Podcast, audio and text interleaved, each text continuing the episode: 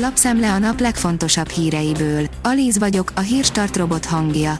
Ma július 19-e, Emília névnapja van. A 24.hu oldalon olvasható, hogy alkotmánybírósághoz fordul Karácsony Gergely. Nem kellett sokat várni, hogy a kormány által szorgalmazott telekügyletet átnyomják a parlamenten.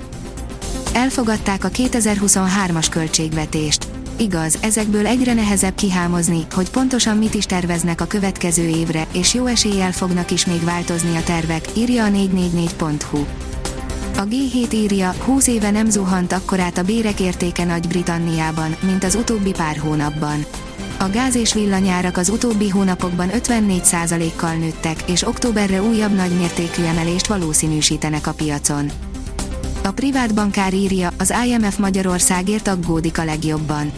Oroszország ukrajnai inváziója tovább rontotta a globális növekedési kilátásokat, és az európai gazdaság komoly visszaesésnek néz elébe, főleg a közép-kelet-európai államok, így Magyarország is.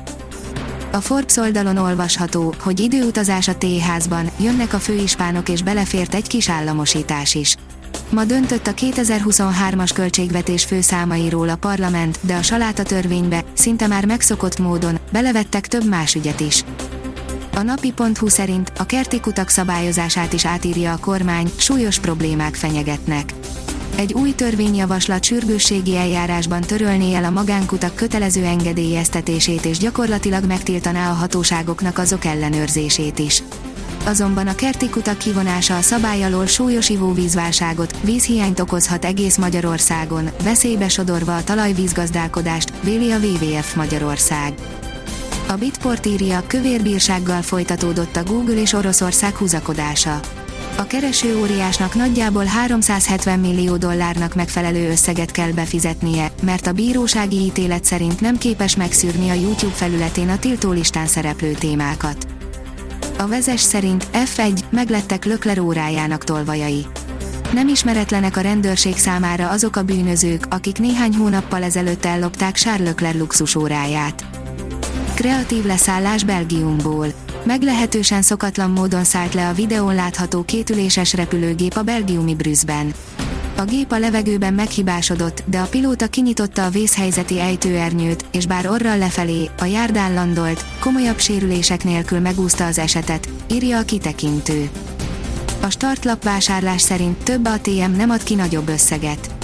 Bosszantó korlátozásokra panaszkodnak az azénpénzem.hu olvasói, több ATM-nél pórul jártak, mert a bankautomata nem adott ki nagyobb címleteket, maximalizálták a felvehető összeget.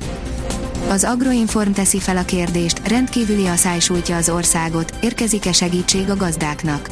Brüsszelben tárgyaltak az uniós agrárminiszterek. A háború mezőgazdasági vonatkozásairól, a kap stratégiai tervek elfogadásáról és a magyar aszályhelyzetről is szó esett. A 24.hu írja, másságáról vallott a legjobb orosz teniszezőnő. Attól fél, hogy hazájában soha nem foghatja meg a barátnője kezét. Háfra Noémi, nagyon célkeresztbe kerültem, írja a 24.hu. Úgy érzi, a játékosokat itthon robotként kezelik, és nem tartja szerencsésnek, hogy folyton a 18 éves önmagához hasonlítják, viszont már megtanulta kizárni a kritikus hangokat. Igaz, ehhez egy olyan úton kellett végigmennie, amelyen pánikrohamokkal is meg kellett küzdenie, sőt, az is felmerült benne, hogy abba hagyja a kézilabdát. A kiderül írja, 39 fokot is mérhetünk a hőség csúcsán.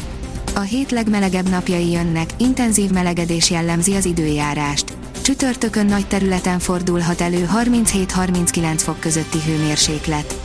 A jelentős esőre továbbra is várnunk kell. A Hírstart friss lapszemléjét hallotta.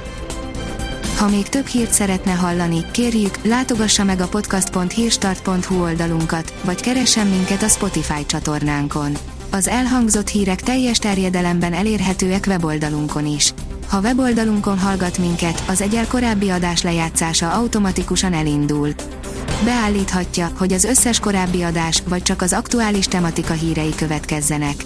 Köszönjük, hogy minket hallgatott!